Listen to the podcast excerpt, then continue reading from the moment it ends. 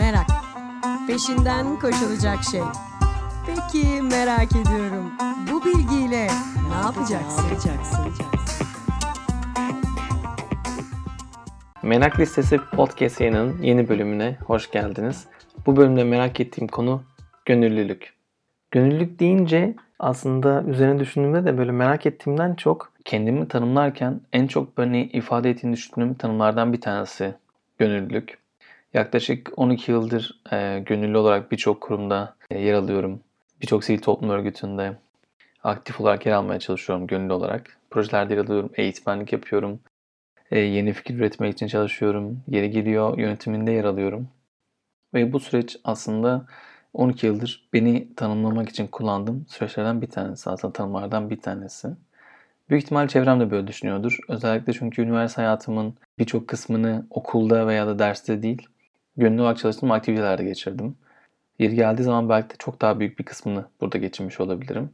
Yakın arkadaşlarım ve çevremi gönüllülük üzerinden aslında buldum da diyebilirim. E, bir taraftan da şu anda Eğitmen Panda'nın kurucu ortağı olan Emre'yi de AFS sayesinde yani gönüllü olarak bulunduğum bir kurum sayesinde tanımış oldum. Keza çalışma arkadaşlarım da aynı şekilde. O yüzden gönüllülük benim hayatımın neredeyse merkezinde diyebilirim. Dolayısıyla benim için heyecanlı ve üzerine konuşacağım, konuşmaktan keyif aldığım bir konu oluyor. Ama yani bu kaydı yapma sebebime gelecek olursak da aslında merak ettiğim dediğim zaman yani merak listesinde bu konuyu paylaşmak istediğim bir konu diyerek konumlandırmak daha iyi olacak sanırım. Bu kaydı yapma sebebimin başında Dünya e, Gönüllüler Günü yaklaşması geliyor. 5 Aralık tarihinde Dünya Gönüllüler Günü ve bunun üzerinden konuşmak, bunun bir parçası olarak da sizlere bahsetmek. Bundan sonraki bölümü bir konuk almak yerine birden çok fazla konu konuk etmek istiyorum ki daha farklı sivil toplum örgütlerinde çalışan gönüllüleri sizlere tanıtabileyim. Onlarla beraber konuşayım ve onların deneyimlerini, onların gönüllülük maceralarını yansıtabilmeyi istiyorum. Peki yavaş yavaş konuya girelim. Gönüllülük nedir? Gönüllülüğü tanımlamaya geçmeden önce hani dedim ya hayatın büyük parçası. Sanırım ben neden gönüllü olduğumdan başlasam ve kendi gönüllülük hikayemden başlasam daha keyifli olacak gibi hissediyorum. Ben lisedeyken AFS programlarını duydum. E, hatta işte biyoloji öğretmenim bana bunu önermişti. Biyoloji öğretmenim bize önerdi. Sınavlarına girdim, geçtim. Gideceğimi düşünmüyordum. Ama bir taraftan da olur mu olmaz mı tartışmaları varken bir anda Bolivya'ya gideceğimi öğrendim. Çok ilginç çünkü Bolivya'nın normal tam olarak yerini bilmiyorum. Evet tercih etmiştim ama yani Güney Amerika'da bir yer falan diye bakıyordum. Son bir anda bir yıllığına Güney Amerika'ya gittim. Bolivya'da gönüllü bir ailenin yanında kaldım. Şimdi gönüllülük kavramını öğrenmiş oldum aslında yani. Aile benim orada konuk ederken hiçbir şekilde bundan maddi beklentisi bulunmuyor ve ailenin bir parçası olmak için beni evlerine konuk ediyorlardı. Bu çok ilginç gelmişti. Ama gittiğim zaman aslında gönüllü kavramı daha yakından tanıma şansına eriştim. Çünkü ailem sadece AFS içerisinde değil birçok kurumda gönüllü olarak çalışıyordu. Yavaş yavaş bunları anlattılar, üzerine konuştuk falan derken benim oradaki dönem gittikten sonra kısa bir süre sonra yaz tatili geldi. Çünkü bize göre hani e, kış ve yaz farklı olduğu için okul dönemleri de tersine. Ve ben yaz tatilde ne yapacağımı düşünürken ailem dedi ki ya Çağrı gönüllü olmak ister misin? Ben dedim ki hani tabii olabilir ama ne yapacağım yani nerede gönüllü olacağım?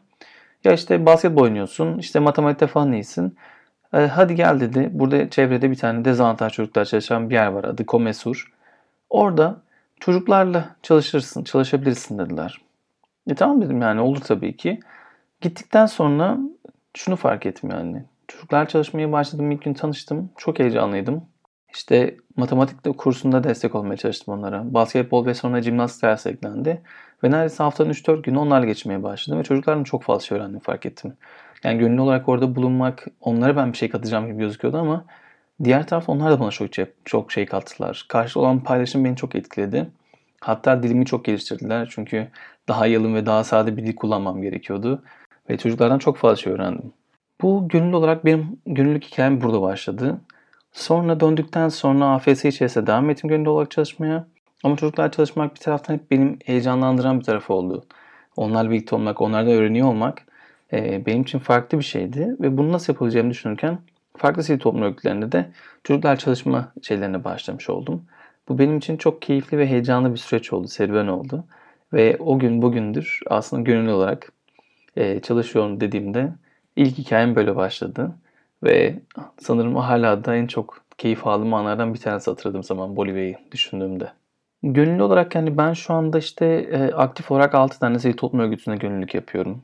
Hani yerim zamanım oldukça aslında bunları yapmaya çalışıyorum. Bazen yılda bir kere uğradığım yerler de var ama vakit yarattıkça bir arada oluyor olmak çok keyifli ve heyecanlı oluyor. Şimdi gönüllülük nedir'e geçecek olursak. Gönüllülük nedir diye yani ben kendim tanımlamak istedim tabii ki de. Benim bir düşüncemde bir gönüllülük tanımı var. Ama bir taraftan da başka ne yerler nasıl tanımlamışlar buna bakmak istedim. Ortak noktaları ne diye bakmak istedim açıkçası. Size paylaşmak için. Öncelikle Wikipedia'ya baktım. Yani giremediğimiz için başına çift sıfır koyarak girdiğimiz bir site. Wikipedia'ya yazdım dedim ki gönüllülük nedir? Wikipedia şöyle bir tanım yapmış. Diyor ki gönüllü içinde bulunduğu toplulukta herhangi bir karşılık ya da çıkar beklemeksizin bir işi yapmayı kendiliğinden üstlenen kişi. Bu tür kişiler genellikle bu tür aktivitede bulunan sivil toplum kuruluşlarında çalışırlar. Ancak birey olarak gönüllü aktivitelerinde bulunan kişiler de vardır diyor. Çünkü gönüllü olmak için aslında bir sivil toplum örgütüne genellikle ihtiyacımız yok. Sivil toplum örgütlerine ihtiyaç duymamızın sebebi tek başımıza çözmemizin zor olduğu noktalarda daha fazla kişiyle beraber hareket ediyor olmak. Ama yavaş yavaş bu da kırılmaya başladı. Hatta Türkiye'de de çok fazla görmeye başladık. Platformlar olmaya başladı. Yani bir tüzel kişiliği olmayan ama insanların bir araya geldikleri ve bir şey ürettikleri platformlar var. İlk aklıma gelen yerlerden bir tanesi oy ve ötesi. Oy ötesi ilk çıktığı zaman bir platformdu yani bir tüzel kişiliğe sahip değildi.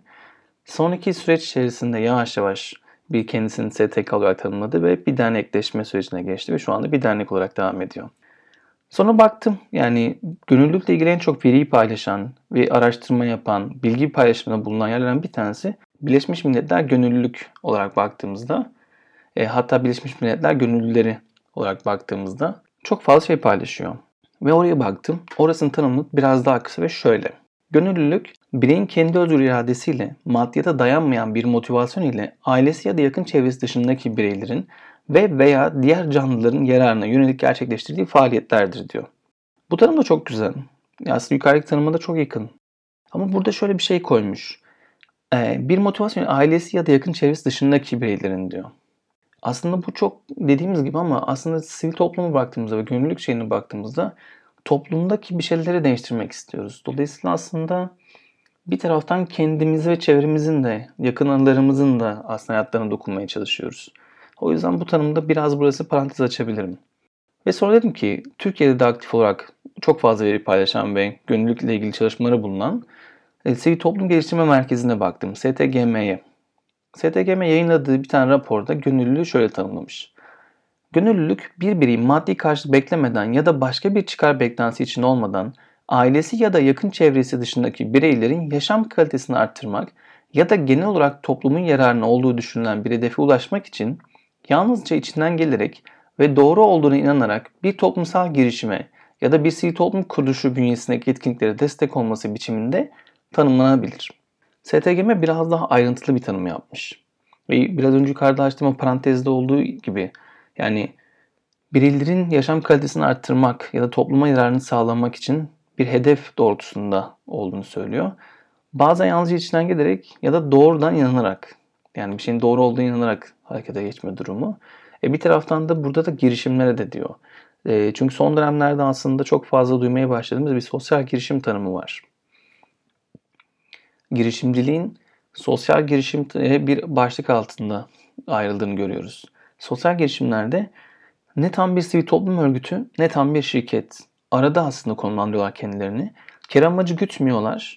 Yaptıkları şey aslında topluma fayda sağlamaya çalışıyorlar. Yaptıkları şeylerden fayda sağlayarak aslında yani karlarını topluma fayda sağlamak için aktarıyorlar. Türkiye'de henüz bunun bir tüzel kişiliği olmadığı için e, birçok sosyal girişim kendisini dernek ya da şirket olarak konumlandırıyor. Daha sonrasında yaptığı çalışmalarla bunu ya da aynı anda hem dernek hem de şirket kurulmak zorunda kalıyorlar. E, belki de bir bölümde de sosyal girişimi anlatırım. İşte STGM'nin tanımı da bu böyle yani aslında buna baktığımızda daha ayrıntılı bir tanımı var. Ve bu tanım aslında birçok şeyi de kapsıyor. Bu kelime kökenine bakmaya istedim. Yani gönüllülük kelimesi nereden geliyor? Aslında İngilizce'deki volunteer kelimesi bunun ilk kökeni olarak gözükenlerden bir tanesi. Çünkü 1800'lerdeki içerisinde bulunduğu şeylerle beraber volunteer kelimesi daha çok aslında popüler olmaya başlıyor. Baktığımızda aslında bu kelime köken olarak Latinceden geliyor. Latince'de Latin volunarius kalıbından geliyor. Latin volunarius özgür irade demek. Özgür bir iradeye sahip olduğu, gönülden yaptığını rahatlıkla söyleyebiliyoruz. Nasıl ki Türkçe'de gönüllülük dediğimizde aslında gönülden geldiğini biliyoruz. Latincesinde de özgür iradeden geldiği söyleniyor. Bu Latin volunarius daha sonra aslında Fransa'daki 1700'lerin sonlarında daha çok kullanılmış. Volunteer kelimesi. Yani şu an Fransızcam yok. O yüzden bu kelime böyle mi okunuyor bilmiyorum ama açıklamalar kısmına koyuyor olacağım bunu. O yüzden kızmayın lütfen. Kelimesinden geliyor. Bu kelime aslında anlamı özellikle sivil toplum kuruluşlarında hani çok fazla kullanılmış ama e, anlam olarak şunu söylüyor. Askeri hizmet için gönüllü olan kişilerden gelmiş. Bu bir taraftan da kelime bu bu anlamı şunu da getirmiş bize sonrasında. E, Türkçedeki sivil toplum kuruluşları dediğimizde aslında devlet içerisinde olmayan sivil bir katılımı kastederken İngilizce'de de non-governmental organizations yani e, devlet olmayan, hükümet olmayan organizasyonlar kullanılıyor. Dolayısıyla aslında bunların hepsinin kökeni Fransızcadaki volunteer kelimesinden gelmiş diyebiliriz. Bir taraftan gönüllülük kelimesi Norveççe'de kolektif çalışmayı aslında anlamına gelen yani kolektif çalışma anlamına gelen Dugnat kelimesinden geliyormuş. Bu da güzel bir şey aslında. Birlikte çalışıyor olmak. Yani bir nevi imece gibi aslında. Türkçedeki olan. E, bir de Arapçasına bakıyoruz tabi. Arapçası aslında tatava yani gönüllülük. Yani net bir gönüllülük tanımı yok. Tanımı yok ama onun yerine bağışlamak anlamındaki tatava kullanılmış.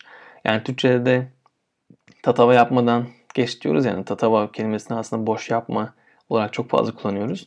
Belki de aslında Türkiye'de e, bu Arapçadaki tatava'nın etkisi çok fazla olabilir yani gönüllülük rakamları ile ilgili ki daha sonra anlatıyor olacağım. Belki oradan gelmiş de olabilir. Bilmiyorum. Yani onu göremedim baktığım zaman tatava'nın anlamı ve kökeni ile ilgili bir bilgiye sahip olamadım ama sanki çok yakınmış gibi geliyor. Yani o yüzden gönüllülük aslında boş iş olarak görünüyor olabilir Türkçemizde. Türkiye'de hatta daha doğrusu. Ama benim en sevdiğim anlam e, Güney Afrika'dan. Afrika'da gönüllülük için Ubuntu kelimesi kullanılıyor. Ubuntu şu anlama geliyor. İnsan ancak başka insan aracılığıyla insan olur. Çok güzel değil mi? İnsanın var olabilmesinin de kilit noktalarından bir tanesi aslında başka insanlarken bir taraftan da ancak kendimiz olabilmemiz için, kendimizi gerçekleştirebilmemiz için başka insanlara ihtiyacımız var. Onlar aracılığıyla ancak insan olabiliriz. Ve gönüllülük de aslında bunu sağlayan ve katkı sunan en güzel noktalardan bir tanesi. Ben Ubuntu kelimesini çok seviyorum. Şimdi bu tanımlara baktığımda benim için bu tanımlar tabii ki de elbette yeterli. Yani son derece çalışmalar ve makaleler üzerinden baktığımızda çok da güzel çalışmalar. Ama bir şey eksik bence bunlara bakınca. Özellikle birçok çalışmada mesela gönüllülük nedir diye sorduğumuzda çok fazla şey geliyor işte. Maddi beklenmeti de olmayan, işte değiştirmek isteyen, hayal kuran, geliştiren, bir arada olan, heyecanlı falan gibisinden birçok böyle sıfat geliyor. Benim en sevdiğim sıfatsa rahatsız. Yani gönüllü bence rahatsız olan kişi. Çünkü bir şey yapabilmek için, harekete geçmek için bir şeyden rahatsız olma ihtiyacı hissediyoruz. Yani ihtiyacı hissediyoruz biraz iddialı oldu ama bence öyle. Yani çünkü var olan bir durumu değiştirmek için ondan rahatsız olmak lazım. Yani her şey yolunda olduğunu düşünüyorsanız onu değiştirmek için çaba harcamazsınız. Gözümüze takılan e, bir şey değiştirmek isteriz. Mesela eğitim sisteminin yeterli olmadığını düşündüğümüzde bununla ilgili yapabileceğimiz şeyler var. Örneğin başka bir okul mümkün derneği Türkiye'de eğitim sisteminin değişmesi gerektiğini düşünerek kendileri alternatif bir eğitim modeli oluşturdular. Ve bu modeli Türkiye'de yaymaya çalışıyorlar ve bir taraftan da milli eğitimle beraber de bu modeli geliştiriyorlar. Dolayısıyla aslında alternatif olarak yarattıkları şey Milli Eğitim Bakanlığı'nın ilgilendiği ve örnek olacak bir modele dönüşmüş durumda. Dolayısıyla bir rahatsızlık vardı ortada. O rahatsızlık düzeltilmeye çalıştılar. Ee, bir başka örnek mesela Çorba Tuzun Olsun Derneği. Çorba Tuzun Olsun Derneği Beyoğlu tarafında baktıkları zaman çok fazla evsiz var ve bu evsizlerin yemeğe ihtiyaçları var ve birçok aslında ihtiyaçları ve karşılanmıyor. Ne yapabileceklerini düşündükleri zaman çorba dağıtmak fikri geliyor aslında akıllarına. Her akşam belli bir saatte gönüllüler bularak onlarla beraber evsizler için çorba dağıtmaya başlıyorlar. Ve yavaş yavaş bu hareket büyüyor ve dernekleştiler ve çok fazla kişi ulaştılar. Hatta şimdi sadece çorba bulmakta değil, evsizlerin istihdama katılması için onlarla beraber iş bulmaya çalışıyorlar ve iş yaratmaya çalışıyorlar birçok kurumla görüşerek ve bunu değiştirdiler. Çünkü aslında görünen şey de İnsanın aç olmasına rahatsız oldukları bir şey için harekete geçmiştik, geçtiğini görüyoruz. Yine bir rahatsızlık var aslında. Benim için gönüllü tarım dediğimde rahatsız olan demek iyi geliyor bana açıkçası. İlk başta söylediğim zaman insanlar bir, niye rahatsız olalım falan diyorlar ama gerçekten de bir şeyleri değiştirebilmek için, rahatlık alanı terk etmek için rahatsız olma ihtiyacımız var. Ardından bu rahatsız olmak dedim. Peki yani bununla ilgili yapılan modeller neler diye sorduğumda şu geliyor. E, 4D adında bir model var. İşte İngilizcesi bu aslında 4R. 4 tane R'den oluşuyor. Türkçe'de 4 tane D olarak çevirebildik. 4 tane eksen üzerinden aslında insanlar gönüllü oluyorlar. Bunlardan bir tanesi değiştirmek. Var olan bir şeyleri değiştirmek, geliştirmek için aslında insanlar gönüllü olabiliyor ya da sivil toplum örgütleri kendilerini bunun üzerine konumlandırabiliyor. Vizyonları aslında bir şeyleri değiştirmek üzerine şekilleniyor. Bir başka şey de düzeltmek. İkinci D'de düzeltmek üzerine oluyor. İnsanlar ya da sivil toplum örgütleri bir şeyleri düzeltmek için harekete geçebiliyorlar. Değiştirmek ve reform yaratmak istiyorlar. Bunun için harekete geçtiklerini görebiliyoruz. Bazı sivil toplum örgütleri ise düşlüyorlar. Yani üçüncü D'miz düşlemek. E, bunlar daha çok aslında düşünce kuruluşları oluyor. Birçok teoriyi ve e, araştırmayı alarak bazen ülkenin, bazen toplumun, bazen belli bir kesimin vizyonlarını belirlemek için çalışmalar yürütüyorlar. Hayal kuruyorlar, projeksiyonlar yaratıyorlar ve nereye gidilebileceğine dair hayallerini kuruyorlar, düşlüyorlar. Ve dördüncü de son D'de direnmek. Bazen sivil toplum örgütleri ya da kişiler, gönüllüler direnmek için gönüllü oluyorlar. Var olan bir şeyin kalması için. Bu konudaki en güçlü örnek elbette gezi olayları aslında. Diren gezi. Çünkü diren, gezinin başlangıç noktası Gezi Parkı'nın kalması, var olan şeyin tutulabilmesi ve bunun için de yapılan şey direnmekti aslında orada. Dünyanın birçok yerinde de bu direnme hareketi devam etti. Dolayısıyla aslında birçok gönüllüye baktığımızda görebileceğimiz şey bu dört eksen üzerine oluşuyor. Ve bu dört eksen bazen sadece bir tanesi, bazen dördü birlikte, bazen üçü, bazen ikisi olarak karşımıza çıkabiliyor. Yani gönüllü olarak baktığınız zaman aslında toplumda her sivil toplum örgütü yani gönüllü hareketin bunlar üzerinden kurulduğunu rahatlıkla söyleyebiliriz. Şimdi tabii gönüllülükten bahsedince bir de yani Türkiye'de gönüllü oranlarından da bahsetmek lazım. Türkiye'deki en son yapılan araştırmaya göre gönüllü oranı %5. Yani çok küçük, çok düşük bir oran. Yani çok düşük bir oran. 100 kişiden sadece 5 tanesi gönüllü ve hani yapılan araştırmalarda gönüllülükle ilgili bir kavramı bilen insan oranında %12 olduğunu gösteriyor. Yani aslında %12'nin yarısına yakını gönüllü olmuş. Ama bu da sadece %5'imiz diyor. Türkiye için yeni bir kavram gibi gözüküyor.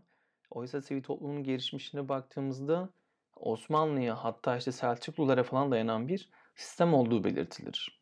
Ama bizde bu farklı algılanmış. Biraz daha üzerine düşündüğümüzde de görebiliyoruz bunu rahatlıkla. Çünkü bizde genelde e, gönüllü olmak biraz böyle boş iş yapmak gibi algılanmış. Hani bağış yapmak gibi aslında. Türkiye'de insanların %5'i e, sadece gönüllüye katılıyor ve bu çok düşük bir oran. Üzerine düşündüğümüzde yapılan çalışmalara baktığımızda da bunu böyle olduğunu görüyoruz ve bu açıkçası üzücü. Çünkü çok az insan biliyor ve sadece %12'nin bildiği bir kavramdan bahsediyoruz. Bununla ilgili nedenlere baktığımızda aslında e, şeyleri görebiliyoruz. Yani toplumda daha yeni yeni oluşmaya başlıyor. Yavaş yavaş artıyor, bilinçli, bilinçlenmeye başlıyoruz. Ve bu aslında güzel örnekleri de beraberine getiriyor. Örneğin adım adım e, platformu aslında çalışmaları başladığında gönüllülüğü de teşvik etmek için bu klasik bilinen bağış şeklini değiştirdi. Maratonda koşuyorsunuz. Attığınız adımlarla beraber insanların sizi desteklemesini istiyorsunuz. Ve yavaş yavaş inanılmaz bir farkındalık sağlamış oldu.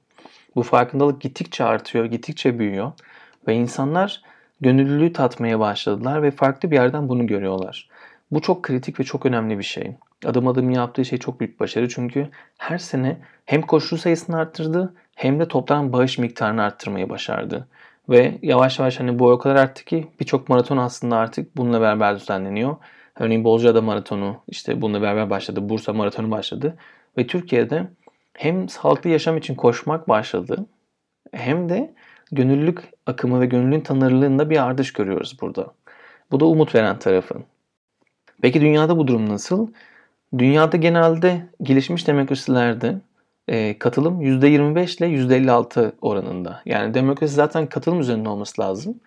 Ve katılım modeline baktığımızda da ne kadar çok insanlar katılım gösteriyorlarsa o kadar gelişmiş bir demokrasiye sahip olunuyor. Ve sivil toplumda yer almak, gönüllü olmak da aslında katılımı sağlamak demek. Çünkü bir şeyleri değiştirmek, düzeltmek, düşlemek ve direnmek için yaptığınız çalışmalar aslında demokrasinin katılımını sağlayarak oradaki ortamı değiştiriyor. Alınan kararları etki ediyor. Ve geliştiğimizin, gelişmek için de aslında katılımın gerekli olduğunu bize gösteriyor. Örneğin Oy platformundan bahsetmiştim. Oy sandıkları sahip çıkarken başlattığı gönüllü akım ile beraber ki o zaman içerisindeydim ve ana eğitimleri tasarlayan ekipte olduğum için de 120 bin gönüllümüz vardı. Ve onların organize olması, nasıl aktarılabileceği üzerine konuşurken bir taraftan da bu kişilerin aslında gönüllülüğü bilmediklerini fark ettiğimizde onlara gönüllü anlatma ihtiyacı hissettik. Çünkü gönüllü kavramını bilmeyince iş yapma biçimine de zorlanıyor insanlar. Ve o kadar kişiyi kontrol etmek de zor. Dolayısıyla OBTS bir süre sonra şu kararı aldı. Biz bu kişilere sivil toplumu da anlatacağız, gönüllü anlatacağız. Dolayısıyla da seçimler olmadığı zaman gönüllülerine üye olabilecekleri dernekleri, aktif olabilecekleri platformları göstermeye başladı ki bu kişiler yavaş yavaş sivil topluma gelebilsinler ve katılımı sağlasınlar. Çünkü ancak demokrasi böyle sağlanabiliyor. Dolayısıyla bizim aslında bu konuda çok büyük bir yolumuz var diyebiliriz. Ve dünyada da şu anda 1 milyar yakın gönüllü olduğu düşünüyor. Yani her 8 insandan bir tanesi gönüllü. Ve gönüllü olarak da bir şeyler yapıyorlar, katılıyorlar, değiştirmeye çalışıyorlar. Ve hareketler de artmaya başladı. Çünkü insan olarak yavaş yavaş biz aslında Maslow'un kendini gerçekleştiren insan şeyine geldiğimizde, mertebesine geldiğimizde piramitte şunu görüyoruz. Kendimizi gerçekleştirebilmek için bizim aslında topluma fayda sağlayacak işler yapmamız lazım. Bu da gönüllülükten geçiyor. Gönüllü olabilmenin en kilit noktalarından bir tanesi bu. Evet, dünyadaki e, bu rakamlardan da bahsettim çok fazla gönüllü olduğundan. Ve aslında kaydın başına demiştim ki 5 Aralık Dünya Gönüllüler Günü geliyor ve bu kaydı bu amaçla yapıyorum. Umarım dinleyen herkes için yardımcı olacak bilgiler paylaşabilmişimdir. Sorularınız varsa lütfen bana iletin. Bir sonraki bölüm için de çok heyecanlıyım. Çünkü birçok farklı sivil toplum örgütünde gönüllü olan kişilerle görüşüp onların deneyimlerini ve onların gönüllülük maceralarını sizlerle paylaşmaya çalışacağım. Beni dinlediğiniz için çok teşekkür ederim. Bir sonraki bölümde görüşmek üzere. Kendinize çok iyi bakın. Hoşçakalın.